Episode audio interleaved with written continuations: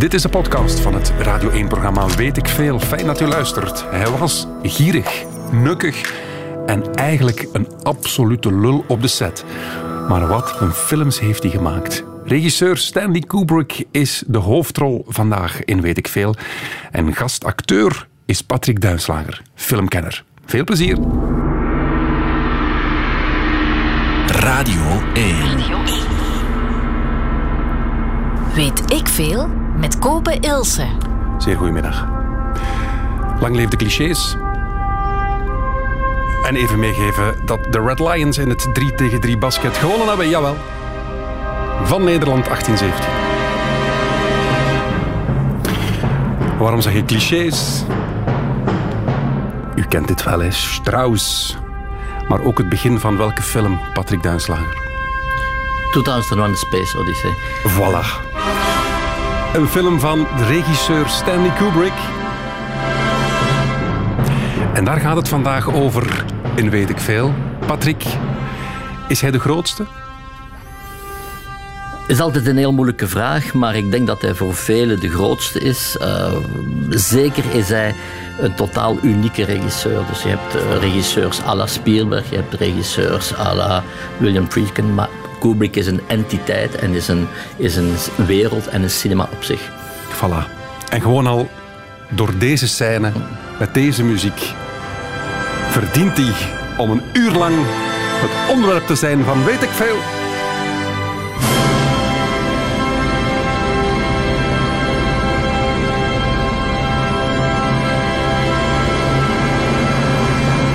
Oh, dat is toch... David, Blijft, Patrick. hè, ja. Ah, het is zo cliché, maar het is toch... En dan vooral, hoe- hoeveel minuten is het zwart in 2001 Space Odyssey? Het is, het is lang, hè? Het is langs, Het scherm zwart blijft en dan die muziek. Hij speelt met die ruimte en eh, rond die muziek is er ook iets, iets, een anekdote, maar die wel typerend is voor Vertel. Kubrick, als ik meteen met de deur in huis Ja, mag kom vallen. aan, kom aan. Dat is dat Kubrick, toen hij de film aan het monteren was, gebruikte hij eh, bestaande muziek, eh, wat men noemt temp, een temp score, dus een temporary score. En dat waren allemaal klassieke stukken die hem vooral gesuggereerd werden door zijn schoonboer Jan Halin, die dan ook zijn producer geworden is en die een grote kenner was van klassieke muziek.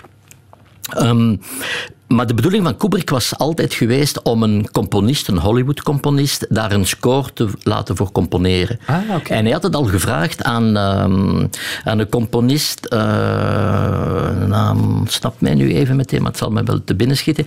En eh, dat was de componist die ook de muziek had gemaakt voor eh, Spartacus. En hij die moest natuurlijk wachten tot, tot de montage van de film om zijn muziek te kunnen. Alex Noot, sorry, Alex Noot was de componist. En ja, Kubrick bleef met hem in onderhandeling, eh, maar hij begon de film te monteren op die muziek, klassieke muziek. Hij werd zo, wat men noemt, dat gebeurt vaak, verliefd op die Ja, ja. tijdelijke muziek, dat hij eh, op het allerlaatste moment, eh, wat toen nog kon, omdat films toen niet met honderden kopieën werden uitgebracht, maar zo'n film werd maar alleen in Los, Los Angeles met één kopie en in New York bijvoorbeeld en in Maar- Toronto. En pas ja. de latere release, de andere zalen en andere steden, volgden weken of maanden later. Wat betekent dat je nog op heel kort voor de film moet getoond worden, dat kunt ingrijpen. Ja, ja, ja, ja, ja, ja. En heeft op het allerlaatste moment is hij toch geswitcht, want die muziek was ook volledig klaar, die score. En het verhaal gaat dat eh, Alex Noot in de zaal zat bij de première. Nee. En dat hij pas toen zag dat zijn muziek niet gebruikt geweest Dat is. Later is die muziek op een, op een label dat veel, eh, dat veel eh, goede klassieke filmmuziek brengt, uh, Sarabande, is die muziek ook uitgebracht van Alex Noot. Dus je kan ook Toch? Ah, die ja, ja, ja. nu en hoe goed dat Alex Noot ook is, bedoel, dat was een hele goede componist. Maar dit. Maar dit, dat kan niet omdat Kubrick met het gebruik van die muziek zo een dwingende visie heeft opgedrongen aan die muziek. Dat je nu ook, hier is het uh, de muziek van uh, Richard Strauss, dat thema, al zo sprak Zarathustra. Maar er zijn ook langere stukken van, Richard, uh, van Jozef, Johann Strauss, die wals.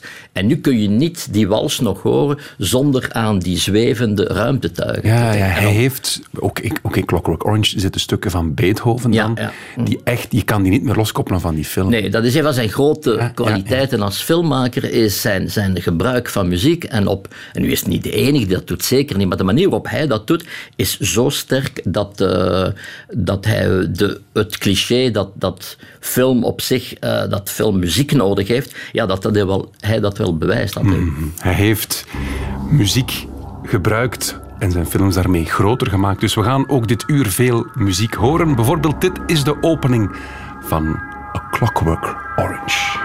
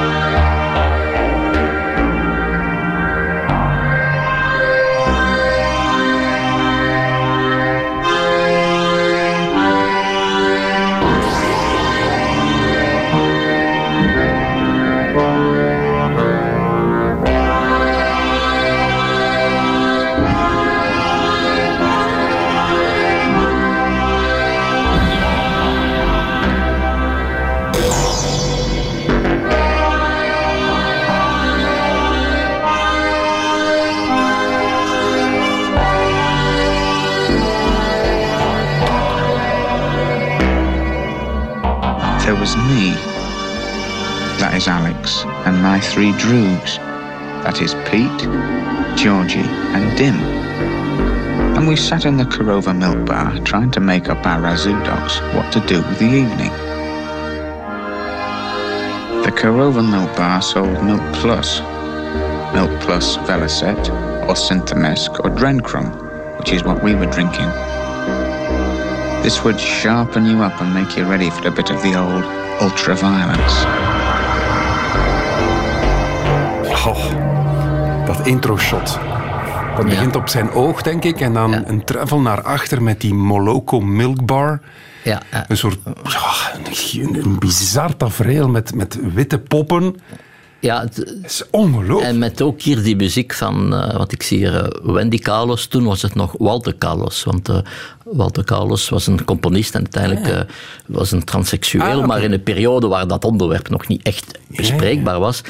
En ik herinner me een interview dan later gelezen te hebben van eh, met Wendy Carlos, die zei dat Kubrick, toen ze hem ontmoette om over de film te praten, over de muziek, en dat, dat zij nog hij was, dat Kubrick iets in het snotje had, maar dat hij dan niet de, de vinger niet kon opleggen. Maar dat hij tegen medewerkers gezegd had, ja, er is iets met Wendy Carlos, ik weet niet, de seksuele identiteit of zo. Dat woord werd misschien nog niet gebruikt, maar mhm. hij, voelde dat er iets was aan, uh, aan die. Dus, uh, ja. dus en ik denk ook die, dat die muziek van Wendy Carlos uh, ongelooflijk heeft bijgedragen tot... tot uh, was, de grootste, was het grootste commercieel succes van Stanley Kubrick. was The Clockwork Orange. Want zijn mhm. andere films waren redelijk uh, box-office redelijk, maar nooit, nooit geen recordbrekende films. Maar dit was zijn, zijn meest commerciële film in feite. Oké, laten we beginnen bij het begin, beste Patrick.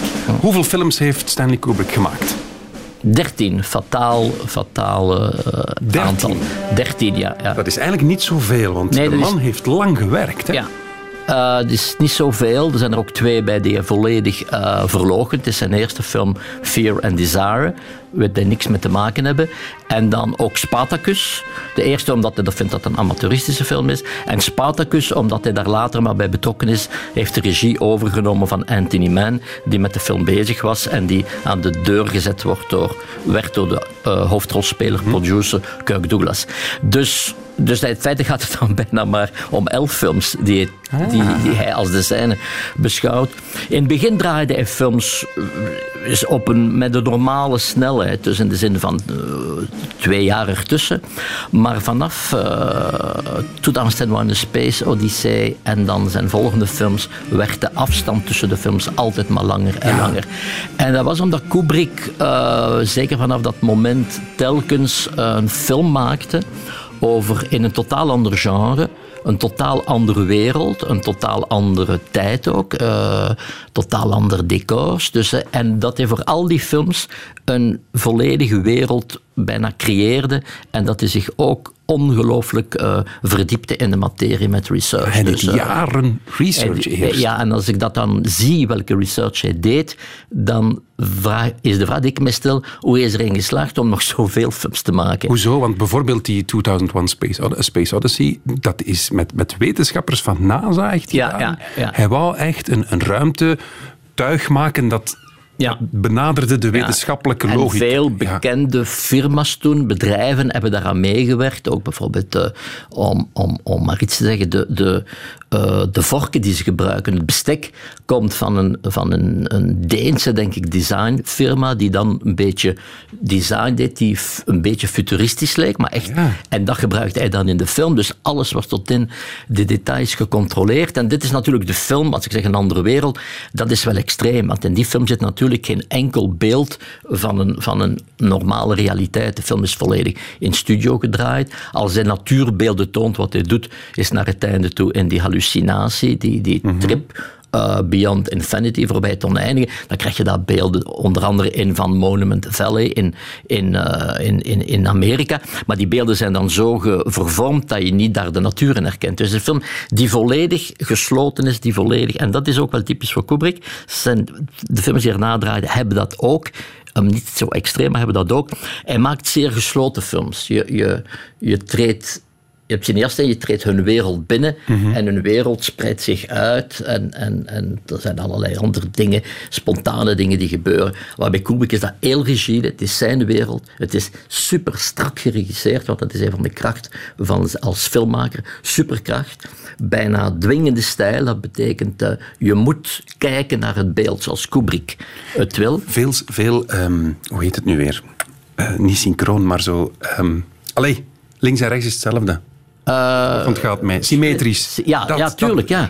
Ja. En als ik even mag zeggen, die symmetrie heeft te maken, ik ga dat heel kort zeggen, want het kan technisch lijken, ja, ja, maar nee, ik probeer het ook. Graag. Dat is dat Kubrick, het, een van de elementen van zijn stijl, is zijn beeldformaat. Dus uh, Kubrick, zijn geliefkoosde formaat van beeld, was uh, wat men noemt 1.1.33. Dat betekent dat de, de lengte is 1.33 en de hoogte is 1. Mm -hmm. Dat betekent... Uh, een soort breed beeld is dat eigenlijk. Dat is eigenlijk het klassieke televisiebeeld. Ja. Van de oude televisies. Dat is dat beeld. Dat is zijn favoriete formaat. Maar natuurlijk, uh, in de bioscopen waren toen al, toen hij begon te filmen, waren er al bredere formaten. Cinemascope bestond al. Cinemascope bestaat van 53. ook andere formaten die, die niet zo breed zijn als cinemascope, maar die toch breder zijn dan dat, laat ik noemen, vierkantachtig formaat. Mm -hmm. Maar dat was voor hem het ideale formaat. Nu wist hij ook dat hij dat niet kon maken om in een film te maken in de jaren 70, 80, waarin hij dat uh, beeld van 3 op 4 uh, zou ja. aanhouden. Wat hij deed, hij deed dat dan breder. Dat was dan 1,8, uh, 1,85 denk ik. Zoals, uh, zoals een beetje ons, nee, 16,9, zoals het ons televisiebeeld. Dat is eigenlijk, dat gaat er naartoe. Maar wat hij deed, en je ziet dat op documenten die hij, die hij stuurde, is hij vroeg aan de cameraman om te kadreren voor dat breed beeld, dat bredere beeld, dus die 16,9.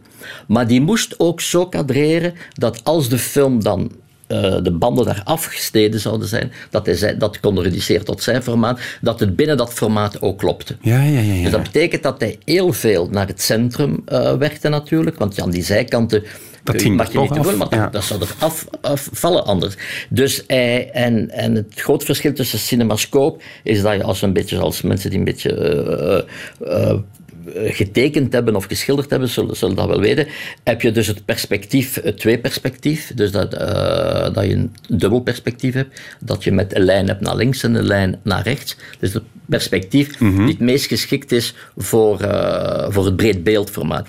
Maar als je dat kleiner formaat hebt, dan is het meest geschikte perspectief vanuit één vluchtpunt. Ik bedoel twee vlucht, hier één vluchtpunt en dat vluchtpunt is in het centrum. Vandaar als je naar Kubrick-film kijkt, zullen vele lijnen in de compositie, dat is, maar dat gaat tot hoe de acteurs gebogen zijn, eh, de, de decors, zal dat allemaal naar binnen gericht zijn. Ah, en dat geeft je wordt gezogen echt in dat, dat beeld. geeft een heel dwingende visie. Dat, geeft een heel, Ja. dat is ook heel strak. En daarin natuurlijk bediende hij zich vaak van symmetrie.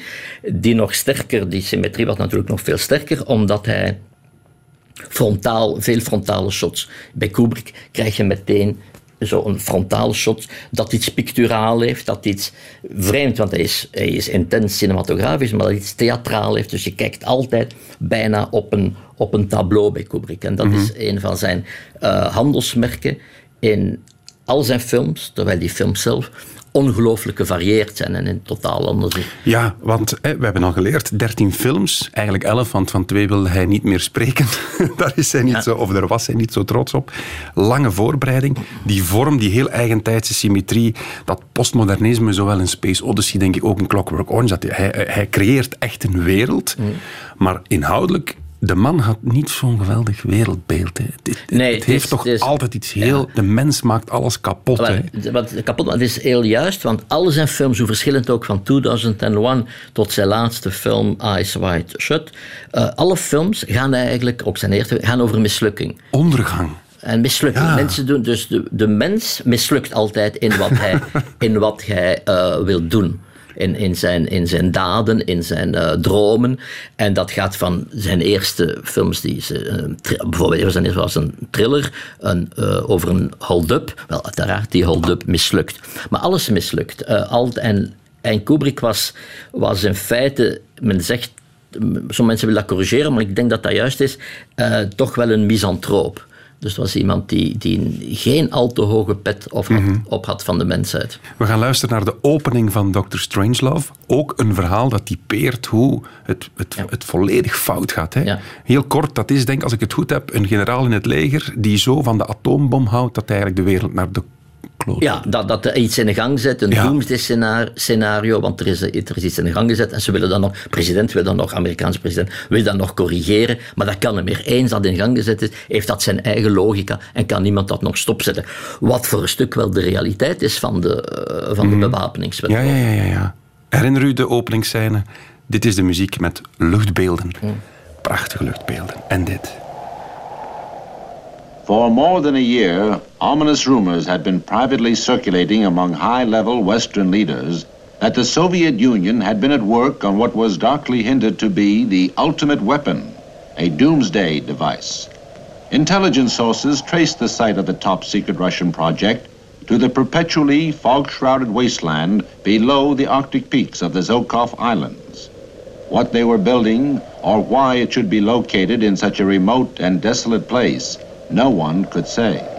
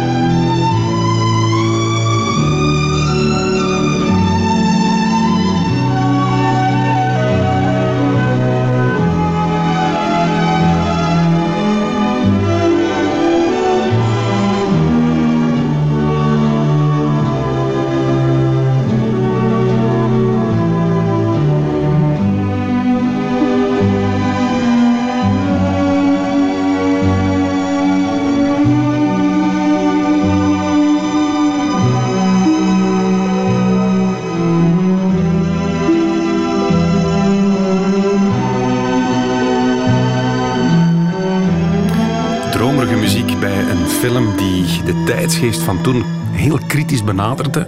Koude oorlog, wapenwetloop. Kubrick was toen ook, zoals veel mensen in die jaren, geobsedeerd door, uh, door de dreiging van een, een atoomoorlog. Dat was toen heel, heel acuut. En hij wou daar een film over maken. En aanvankelijk was dat een bloedserieuze film. Dat was helemaal geen zwarte komedie, dat was nee. bloedserieus. Maar tijdens het schrijven van het script uh, ontdekte hij dat de situaties zo absurd waren dat ze automatisch uh, lachwekkend werden. Ah, ja, ja. En heeft hij het roer omgegooid samen met zijn scenarist Terry Sutton. En hebben ze daar dus een, een, een, een echt super zwarte komedie van gemaakt. En dan Peter Sellers aan boord gehaald, de man Peter van Sellers, Inspector Clouseau, ja, hè, maar, de Pink Panther. Het, ja, ja, maar dat, inderdaad, Peter Sellers die, die daar uh, ongelooflijk in drie rollen speelt in, in, in de film. Uh, en, en, en ook dat kan je alleen doen als je natuurlijk geen realistische film maakt. Dat kun je mm -hmm. alleen binnen een satire doen. En wat ook mooi is, is de soort link die je toch soms hebt tussen bepaalde films van Kubrick dat je niet zou verwachten. In 2001 is er een fameuze scène waarin in de evolutie van de, van de mens, uh, van of de mensaap tot mens, dat in, in de evolutie maakt men een sprong en dan zie je een van die mensapen die een, een, een bot de lucht ingooit. Mm -hmm. En dat bot wordt dan een ruimtetuig. Maar dat bot wordt ook gebruikt als wapen. Dus van zodra de mens eigenlijk een evolutie, een stap zet in, zijn, in, in de beschaving, dat hij het werktuig bijna uitvindt. Nee, dat werktuig is ook een wapen die uiteindelijk tot zijn totale vernietiging zou leiden. Vrolijke Frans, zeg. Ja, ja. oh, want de maar moet, iemand moet het zeggen. Hè? Iemand moet het zeggen, maar iemand moet het ook doen natuurlijk, die films maken. Maar wat blijkt, want hè, we mogen hem ophemelen als kunstenaar, als regisseur. Dat denk ik dat we zeker mogen doen. Maar er bestaan geluidsfragmenten, ik laat een horen, waarin hij in The Shining regisseert hij onder andere Shelley Duval, denk ja, ik. Shelley zo. Duval, ja, ja. De, de, de, vrouw van Jack Nicholson, het slachtoffer. Een beetje een zwak figuur, want ze is eigenlijk de hele tijd aan het roepen. Maar hoe hij haar regisseert is, is, ja, is stuitend. Action, Shelley! Cut it. Oh, come on. What do you mean roll Two video? seconds. We're killing ourselves out here and you're going to be ready. I am too. I'm standing So we right play by mood music? door. No, I can't Yeah, but when you came out like this, you should have just... You were sitting there because they say, wait a minute, and then you say on the radio, But when you go. do it, you've got to look desperate, Shelley. You're just wasting everybody's time there. Als regisseur zeggen tegen een actrice, you're just wasting everybody's time. Ja, ik heb Shelley Duval, Duval uh, een jaar geleden geïnterviewd toen ze wel in Brussel was, maar dat was voor de film van Popeye van uh, Robert Altman. En we zijn gaan eten in Brussel in een restaurant. En, en ze zei mij toen, uh, ik, zei, ik ga vragen stellen over uw carrière. En ze zei, ja, maar ik wil absoluut niet praten, want het was een, een jaar of vijf, denk ik, uh, na deze... Nee, dat was lang, het was ja, een jaar of vier, vijf na deze film. En zei, daar wil ik niet over praten, want is niet over Kubrick. En dan zijn we beginnen praten. En uiteindelijk ben ik er toch in geslaagd, want ik wou dat we weten, om Tuurlijk, toch ja. Kubrick tussen Ja. te krijgen. Dan is ze beginnen vertellen. En dan is ze gewoon beginnen wenen. En dan zei ze tegen mij, ik had gezegd dat ik er niet wilde over praten, zie ik ben nu aan het wenen. En uh, hij is, je, je, weet niet, als ik uh, Malcolm McDowell ontmoet, die de hoofdrol speelde in, in de Klokkenkunst, ah, dan doen we niks anders dan horrorstories uitwisselen over Stanley Kubrick. Maar daar het grote probleem was, enfin, probleem, de, de situatie die, die Kubrick creëerde is, uh, ja, Kubrick was een, uh, alles wat telde was zijn vak. En hij wilde de perfectie bereiken.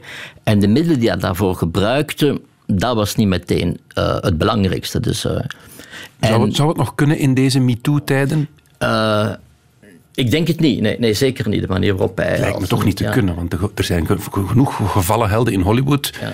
Die, die blijkbaar zo tegen hun vrouwelijke hoofdrolspelers deden. Ja, dat wordt niet meer geduld op de Nee, dat was toen een beetje, al, niet algemeen, maar gebeurde mm -hmm. wel vaker. Maar, maar even iets. Wat, wat zij deed, uh, wat er toen gebeurde, is dat de, de dochter van Kubrick maakte een documentaire, de making-of, tijdens de opname stond ze daar. Ja. En wat zo zwaar was voor haar, dat is dat Kubrick altijd alles communiceerde met, uh, met Jack Nicholson. Dat waren twee maten. En ze beiden lieten altijd haar in het ongewisse. Zij moest gewoon maar doen wat ze zeiden. Ja. En zij was eigenlijk het grotere plaatje, kreeg zij niet te zien. Maar daarboven, toen Kubrick dan uiteindelijk kutrip, dan schoof die dochter van Kubrick, schoot die camera onder de neus van uh, Shirley Duval, waardoor ze nooit een minuut rust had. Dit is muziek uit Eyes Wide Shut. Tom Cruise wandelt een orgie binnen en hoort Mastball van Jocelyn Pook.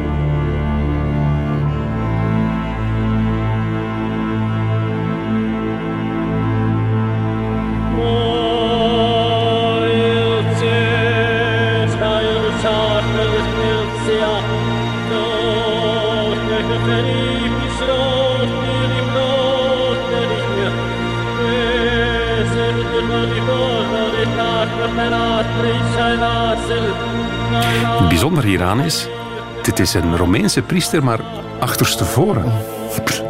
Ja, fantastisch, hè? Die sfeer. Zie je het nog voor je, die scène, met de maskers? Ja, en het is enorm... Wat zijn muziekvakken heel bezwerende muziek. Uh, ook zijn beelden. Het heeft iets hypnotiserend. Absoluut, uh, absoluut. U hoort Patrick Duinslager, film notoire filmkenner van uh, Filmfest Gent, vroeger ook van Focus Knak in der tijd. En vandaag onze gids in de wonderwereld van Stanley Kubrick.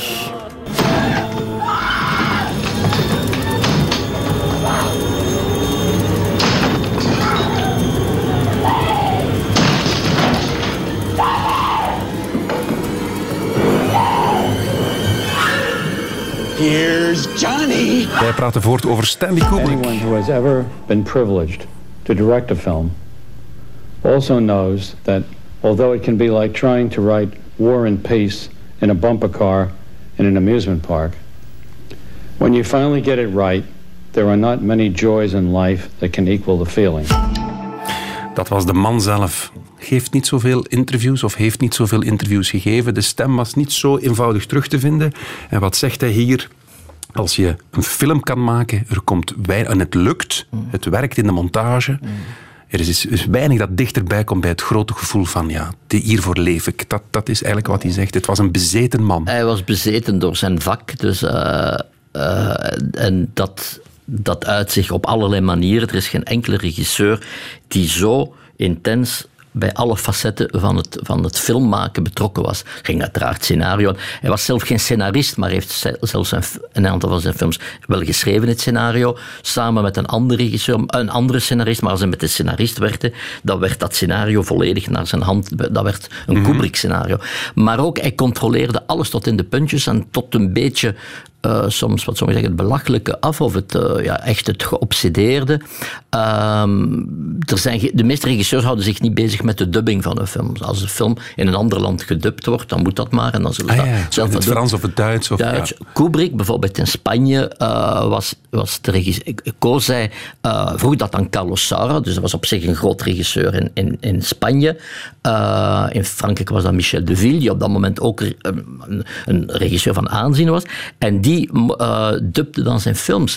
En bij het dubbingproces, want dat is natuurlijk, uh, kiezen zij de stemmen, maar die moesten ze aan hem ook voorleggen. Dus een, het eerste dat andere bekende regisseurs, of nog meer bekende regisseurs, dat voor een andere regisseur willen doen, is al uitzonderlijk, maar ze moesten dan ook volledig zo'n beetje, dat hij daar schoolmeesterachtig op toekijkt. Hij had, wat, wel, wat hij ook altijd deed, was als een film in première ging, is hij bezorgde hij aan de bioscopen, aan distributeurs, een soort een brief uh, die gericht was aan de operateur. We spreken natuurlijk nu lang voor het digitale tijdperk, toen uh, de film nog werd geprojecteerd. En dat was uh, richtlijn om, en daar stond eigenlijk in, als je dat kunt samenvatten, ah, ik ben Stanley Kubrick, ik heb die film hier gemaakt, ik heb daar jaren van mijn leven, met zoveel mensen hebben daar jaren aan gewerkt. Het is voor ons heel belangrijk, en ook voor u eervol in uw beroep, om dat, dat precies, om dat juist te projecteren. Want in die tijd um, kon er veel misgaan met een projector. Mm -hmm. Je zag vaak films die voor een stuk vloe werden getoond. Ja, ja, ja, ja. Uh, of echt doorbranden door, door, de, door de lamp. Dus, uh, ja. dus hij, maar hij vroeg uh, ook het geluid juist instellen en zo. Dus hij, hij en um, ook de, dan de controle. En dat is dan de kant van Kubrick die een beetje de, de, de mercantiele kant is. Is dat hij uh, hij had iemand in Londen zitten die voor hem werkte, Julian Senior. Die werd ervoor wonen, maar die was gedetacheerd bij Kubrick. En als men vroeg, uh, wat doet Julian Senior hierbij wonen, zeiden ze, he is here to keep Stanley happy. Dus die moest alles doen voor Stanley. En die telefoneerde om de week uh, naar alle bioscopen in, in Europa, nee, naar alle distributeurs in Europa, om de recettes van de film te krijgen. Dus een, en ik was bij een distributeur wonen toen, om, om foto's te gaan halen, persdossiers. En die werd gebeld door Julian Senior, die dus vroeg wat heeft de film opgebracht in die zaal. Want op, zoals ik zei, op het moment dat was, uh, denk ik, Berlin, kwamen die films niet uit in tientallen zalen tegelijk. Dus, uh, en hij zei toen, die man zei, oh, sorry, but I'm busy now. Uh, can you call, I'll call you back in uh, 10 minutes. Oké. Okay. Ik wist toen niet wie die man was. Weer telefoon, de man neemt telefoon op en ik zie dat hij toch nog bijna een beetje bleek wordt. En dat was Stanley Kubrick, die gewoon Zelf. vroeg... Ja, maar wat, de wat heeft, hij wilde de recetten kennen. En als Kubrick iets wil, dan moet hij meteen... Uh, dat is een mm. andere anekdote. Toen hij het scenario schreef voor... Uh, Artificial Intelligence, dat uiteindelijk dan door Spielberg gemaakt is, maar hij had dat eerst als project. Uh, en dat over, op een zeker moment is, uh, doordat de poolkappen smelten, is New York ondergelopen, tot laten we zeggen. En hij had dat zo berekend tot de vijfde verdieping van Macy's. En Macy's is een het bekend het warenhuis in New York. En hij moet natuurlijk weten, ja, maar op die zesde verdieping, wat zie je dan nog van de stad? Pakt zijn telefoon zonder rekening te houden met tijd om, naar Macy's belt. This is Stanley Kubrick. Uh, can you please go to the fifth floor and tell me what you see? Maar, een winkelbediening. Ja, dus hij, hij, hij, was ook in die zin niet echt uh, uh, in menselijke verhoudingen, dat dat er niet echt door. Dus op dat moment stond alles in dienst van een Stanley Kubrick film. Mm -hmm. Ik ben blij dat je daarnet even Barry Lyndon liet vallen, want ja. dan, dan hebben we het perfecte excuus om dit te doen. Dat is toch Oh, zwart. Dat vind ik het mooiste wat er misschien ooit gemaakt is. Maar laat ons even over die films individueel. Wat ik interessant vind, Patrick, en ik denk dat jij dat gaat bevestigen. Hij heeft eigenlijk nooit een genre twee keer gedaan. Nee. want bijvoorbeeld dit, Barry Lyndon, is een, is een kostuumdrama. Ja, ja met pruiken en prachtige kostuums, heel eh, barokmuziek. Hij heeft nooit een genre tweemaal. En nee, uh, misschien in het begin zijn carrière dat hij twee misdaadfilms gemaakt heeft, maar toch, die waren ook verschillen. En in elke film een andere wereld, maar ook een ander genre. En wat er toen wel was, omdat dat Stanley Kubrick was, omdat hij daar jaren aan werkte, men kende zijn hoe meticuleus, hoe maniacaal hij was, verwachtte men altijd, uh, waren de verwachtingen hoog gespannen. Maar wat hij dan deed met de genre was altijd zo revolutionair of uniek of uh, gedurfd dat de meeste Kubrick-films zijn toen ze uitgekomen zijn, hebben slechte recensies gekregen. Oei. Ja, of heel matig. Of, uh, maar, de, wat, maar dan na jaren is eh, hebben de meeste mensen een mening erzien. Ik moet zeggen, zelf... Aan, hoe, aan, wat, kom, hoe, aan wat ligt dat, denk je? Maar ik heb dat zelf ook. Als ik, als ik uh, The Shining de eerste keer zag, als ik uh, de... Uh, zeker zijn Vietnamfilm. Full Metal Jacket. Full Metal Jacket de eerste keer zag, was ik ook ontgoocheld. Omdat hij schept zulke verwachtingen, maar je weet ook niet wat je verwacht. Je weet alleen, het moet iets... Er gaat iets komen. Wat iets, en dat je eigenlijk niet zit te kijken naar de film, maar dat je zit te kijken naar ja, Kubrick is iets uniek aan het doen. Dus, en, en als je wat afstand neemt, dan zie je pas, denk ik toch, dan zie je pas de kwaliteiten van de film. Ik herken dat wel. Ik heb dat bij Tarantino bijvoorbeeld. Ah ja, ja, dat, ja. De eerste visie van een Tarantino-film heb ik altijd zoiets van, goh, aansteller. eindeloze scènes, eindeloze dialogen. Maar het is pas als je die twee, drie, vier keer ziet, jaren later, dat je voelt, ja, dit is eigenlijk wel heel, heel, heel heel interessant gewoon. Ja, zijn meest experimentele film is zeker 2001. Ik weet dat ik, dat ik die gezien heb in 69, dus ik was toen 16. Ja, dat ik, ik was volledig overdonderd door die film. Maar ik kan niet zeggen dat ik die film goed vond op dat moment. Want ik, is dat eigenlijk een goede film? Ja, het is een supergoeie film. Toch, nu zeg je dat wel, 50 jaar later. Het is, het is een superfilm, een supergoeie film, maar het is ook, en dat is dat kan je maar één, keer maken, de meest ambitieuze film aller tijden. In die zin dat ja, film waarover gaat dat, dat gaat over tijd. In film heb je het tweede element, tijd en ruimte. Het is de film die in ruimte de, het grootste, de grootste ruimtelijkheid overkoepelt. Dat gaat dus van, uh, van, van een uh, ruimtetuigen, van het heelal, iets kosmisch, tot, uh, en die, die ruimteschepen worden, worden bijna lyrisch in beeld gebracht, in balletten. Maar als er op zeker moment iemand in, in zo'n ruimtetuig een, een, een, een vulpen die begint in het luchtledige te zweven, dan is die vulpen voor Kubrick bijna even belangrijk. En dan zie je die vulpen ook zo super elegant door dat beeld wel. Dus je hebt die, die, die enorme afwisseling, contrasten van grootte, de ruimte. En dan heb je ook natuurlijk de tijd, want die film omspant miljoenen jaren. Het gaat dus van voor de mhm. mens, dus het gaat nog van de oermens. En het gaat tot na het oneindige, als dan het sterrenkind, een nieuwe mens, geboren wordt. Dus, dus niemand heeft ooit een film gemaakt die zo ambitieus is, die zoveel van de geschiedenis van het mensdom toont. Je zei dat je The Shining niet goed vond, de eerste keer. Nee, dat was ik ook ontgoocheld, omdat natuurlijk je zegt, ja, het is Stephen King en dat, en, en dat moet spannend en dat moet griezelig zijn. Maar uiteindelijk is het spannend, maar op een andere manier. De, de, film, de films van Kubrick, hun kwaliteit zitten voornamelijk ook in, de, in, in het vormelijke. Het is de vorm die u eigenlijk meesleept in de film. Dat is waar. Dit is de openingsmuziek.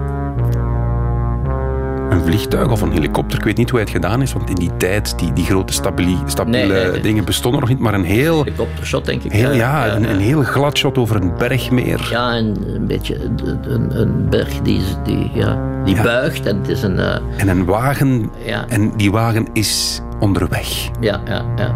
Met deze muziek, opening van The Shining.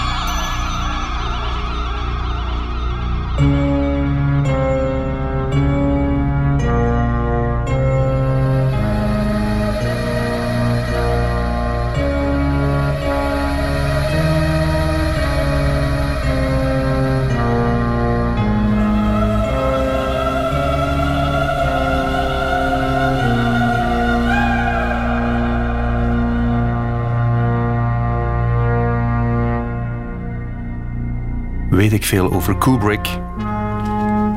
De regisseur van onder andere The Shining, waarvan u nu de muziek hoort.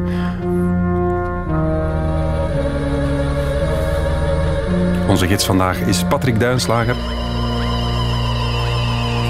Heb jij de man ooit ontmoet, Patrick? Nee, nee. Nee, het dichtst dat... ik bij de man geweest ben, was toen ik daar stond bij met dat, dat van, met dat telefoontje. Naar, naar, zou, zou je, had je hem graag ontmoet of, of zou het zoiets zijn van ik wil mijn eigen mijn held niet ontmoeten, want het zou wel eens dik kunnen tegenvallen. De mens dan. Dubbel bedoel ik. Ik heb dat vaak met mensen die ik bewonder. Ik interview makkelijker uh, mensen die ik niet bewonder dan mensen die ik bewonder. Ja. Vandaar dat ik ook heel gemakkelijk acteurs interview. uh, filmsterren, grote filmsterren. Staat de regisseur boven de acteur voor jou? Ja, ja ik ben meer onder de indruk van de ja? regisseur dan van, van, van, acteurs meestal.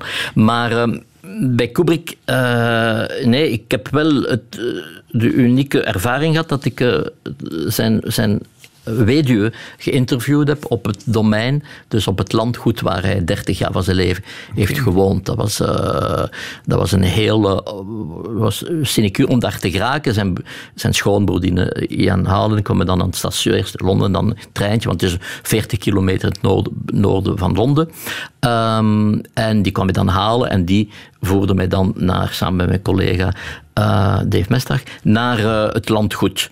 En ja, dat was zo'n moeilijke weg dat, dat je voelt dat mensen die, die Kubrick, uh, die niet weten waar hij woont, hem nooit kunnen bereiken. Ja, ja. Hij, wou, hij wou ook, was hij, hij een kluizenaar dat, dan? Hij was verzekerd, maar hij was een kluizenaar, maar wat er dan ook zo, zo indrukwekkend was, de grote, en de grote kanten van Kubrick, de kleine kanten, is dat ik daar in die grote keuken zat. We deden dat in die grote keuken met zijn, met zijn weduwe en met dus, zijn schoonbroer, haar broer. En dan een hele lange tafel.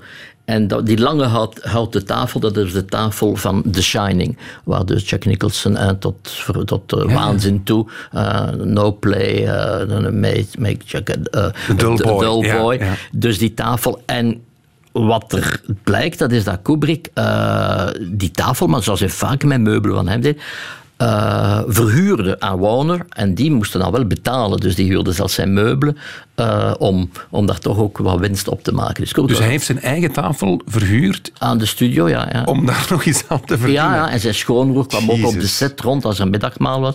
Kwam zijn, kwam zijn schoonbroer rond om, te, om voor de betaling van het middagmaal en zo. Ja, hij, was, hij was zeer krenterig. Dus dat was een van zijn... Uh, en hij wou ook niet vliegen of hij was bang om te vliegen? Hij was bang om te vliegen, wat natuurlijk heel paradoxaal is. Dat is de man die, die 2001 maakt over de grootste ruimteverkenning. Ja. Hè, die, we, die misschien nooit zullen beleven bij het oneindige. Maar zelf wilde hij niet in een vliegtuig stappen. Dus dat was, ja, het was een, hij had allerlei toch wel paradoxale kanten. Uh, wat mij toen ook opviel toen ik daar geweest ben, dat was toen ik vroeg, ja, uh, ja op een moment kwam dat toch te sprake. U mist waarschijnlijk toch aan Kubrick die hier zo dominant aanwezig is en er nu niet meer is. En dan zei die vrouw, but he's still ze wees dan naar de tuin. Dat is zo'n klein, klein heuveltje. En daar was hij begraven. Oeh, in zijn eigen tuin? In zijn eigen tuin, wat ik ook al heel bizar vond. Mm, ja, als je dan net de muziek van The Shining... Ze toonden dan ook een zaal, een bibliotheek, waar zijn ja. visiezaal was. Want Kubrick zag alles. Dus hij is altijd een ongelooflijk nieuwsgierige film... Ja, hij, hij... De, hij ging niet naar de bioscoop, maar hij liet de film kopieën door zijn goede deal met Warner. Kwamen ze hem dat thuis brengen en hij bekeek dat thuis. Elke dag bijna bekeek En hij deed blijkbaar oneindig veel takes op de set. hij was nooit tevreden. Hij bleef zijn acteurs pushen tot take 41, 42, take 100 zelfs. Ja, omdat ja, Shelley Duval heeft er een paar gehad van in de 90. En zijn, zijn, uh, zijn leuze of zijn slagje was eigenlijk van de takes uh, begin pas te tellen vanaf de vijftiende. dat betekent dat er ook niet iets was dat er na vier takes op de 15, dus daaronder, zei, bij manier van spreken natuurlijk. Dus, mm -hmm. dus, en uh, van waar zijn voorliefde voor het ranzige? Want als je naar Clockwork Orange kijkt, dan kan je alleen maar denken: dit is een, een, een zieke geest die, die dit maakt. Dat, ja. dat gaat. Dat, dit is tot het is natuurlijk extreme. komt uit een roman van, van uh, Anthony Burgess, die, die, die hij niet trouw, want die, die wel de geest respecteert. Dus het zat al in die roman. Uh, maar Kubrick is iemand die, die toch heel veel uh, in, in films van de realiteit vertrekt, maar dat dan zijn fantasie in, in, uh, ja. in want 2001 speelt zich volledig in, een in de ruimte af, is, is niet de realiteit. Maar Clockwork Orange speelt zich af in het Londen van van de nabije toekomst. En je ziet duidelijk, bijvoorbeeld de manier dat de architectuur gebruikt, die, die brutalistische gebouwen, je ziet dat Kubrick de elementen die er nu zijn, gebruikt om een wereld samen te stellen zoals die er zal, later zal zijn. En op dat moment was de discussie over geweld ook belangrijk. In die jaar werd er enorm gediscuteerd over geweld en film. Kan dat? Hoe ver kan je gaan? En hij heeft ook met die film die discussie nog aangezwengd. Dus, mm -hmm. dus dat is ook een, een debat geworden rond, uh, rond Absoluut, dat thema. want je kan niet meer naar dit liedje luisteren zonder een ja. verkrachtingsscène te zien. Een, een martelscène in Clockwork Orange. Ze bellen aan. Hij zegt dat hij autopech heeft. Een schrijversfamilie laat hem binnen. En dan ja, ontstaat er een walgelijk ding op Singing in the Rain. I'm singing in the rain, just singing in the rain.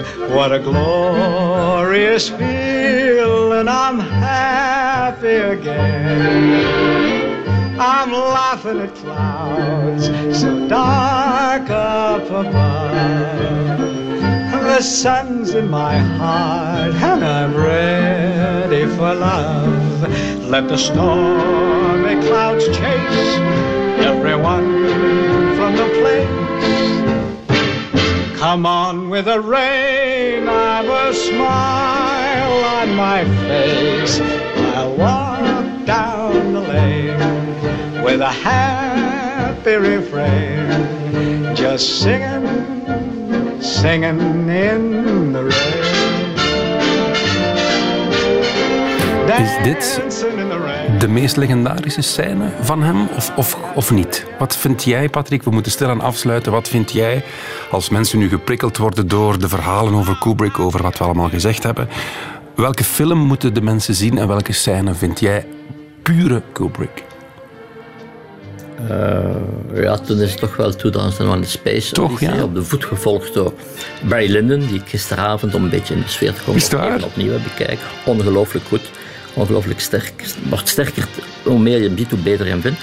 En dus zijn een van de, maar het zijn er zoveel, maar dus zijn voor mij is toch wel naar het einde toe van uh, 2001, als een van die astronauten uh, als een oude man in het bed ligt, in een soort Louis XV-stijl in het bed ligt.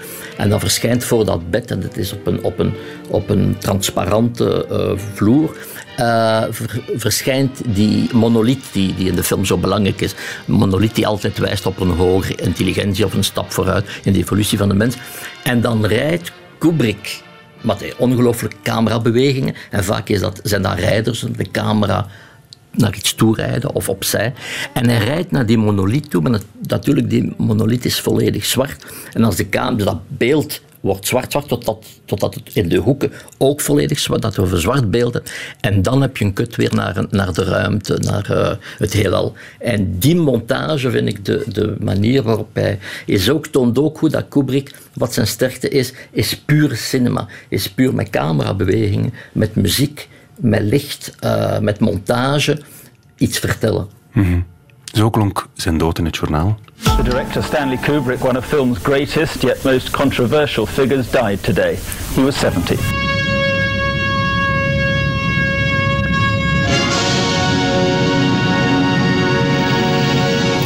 A Space Odyssey, een van Kubrick's bekendste films. Typerend voor zijn pessimistische kijk op de mensheid. Zelfs de mens-aap gebruikt de ervaring maar voor één ding: geweld en macht. Zowat het hele ijveren van Kubrick is opgehangen aan de cynische tweespalt tussen leven en dood, macht en geweld. Vier jaar eerder, in het midden van de Koude Oorlogperiode, creëert hij Dr. Strangelove. Strangelove is een dolgedraaide generaal die uit liefde voor zijn atoombom de wereld om zeep helpt. De zwarte humor van Kubrick. Wanneer is hij gestorven? Uh, in 99. Ja, zoiets. Ja, hè? Mis je hem? Uh, Nee, want ik had geen persoonlijke band. Nee, maar mis je films? Mis je Kubrick films? Ja, natuurlijk. Ik mis Kubrick films. En ik ben niet de enige die dat zal zeggen. Het is ironisch, uh, ironie, zwarte ironie, dat Kubrick gestorven is in de periode en dat hij de periode van, van, van uh, digitale periode van internet, van die andere vorm van, die, die pro, proliferatie van schermen en van communicatie, dat hij dat niet meegemaakt heeft. Want hij was eigenlijk een visionair die als eerste altijd als er iets nieuw was, die dat aanschouwde. Hij zou gesmuld hebben van social media, om daar iets heel, Ik heel denk dat hij daar, hij had daar zeker een fantastische film kunnen maken. Hij zou Black Mirror, die serie op Netflix, zou hij denk ik wel goed gevonden hebben. Dat is ook zo'n ja, reeks die heel donker uh, in de toekomst ligt. Maar, Patrick, sorry dat ik je onderbreek. Mm -hmm. Weet Want ik veel. De tijd is genadeloos. Dus we gaan nog snel afronden met ons uh, dagelijkse quiz.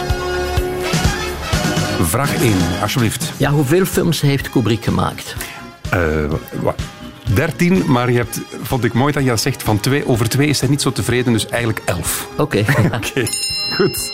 Vraag 2. Uh, hoeveel rollen speelt Peter Sellers in Doctor Strangelove?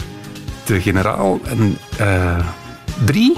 Mm -hmm. Wie nog? De generaal? De generaal, de president en dan een kolonel. Juist. Nee, nee, uh, de Dr. Strange zelf ja, natuurlijk. Ja, tuurlijk, tuurlijk, tuurlijk. Ja. Vraag 3. Hoe heet de actrice in The Shining soms wat brutaal werd behandeld door Kubrick? Um, Shelley Duval. Shelley Duval. Je hebt ze nog geïnterviewd. Mooi verhaal, mooi verhaal. Ik moet jammer genoeg hier, gelukkig voor mij, bij een 3 op 3 moet ik afronden. want, voilà, want we hebben geen tijd meer. Patrick, zeer bedankt. Ik vond het bijzonder interessant. Radio 1. Weet ik veel? Dit is het einde van deze podcast van Weet ik veel. Weet ik veel is trouwens een programma van Radio 1. Op radio1.be vindt u nog veel meer.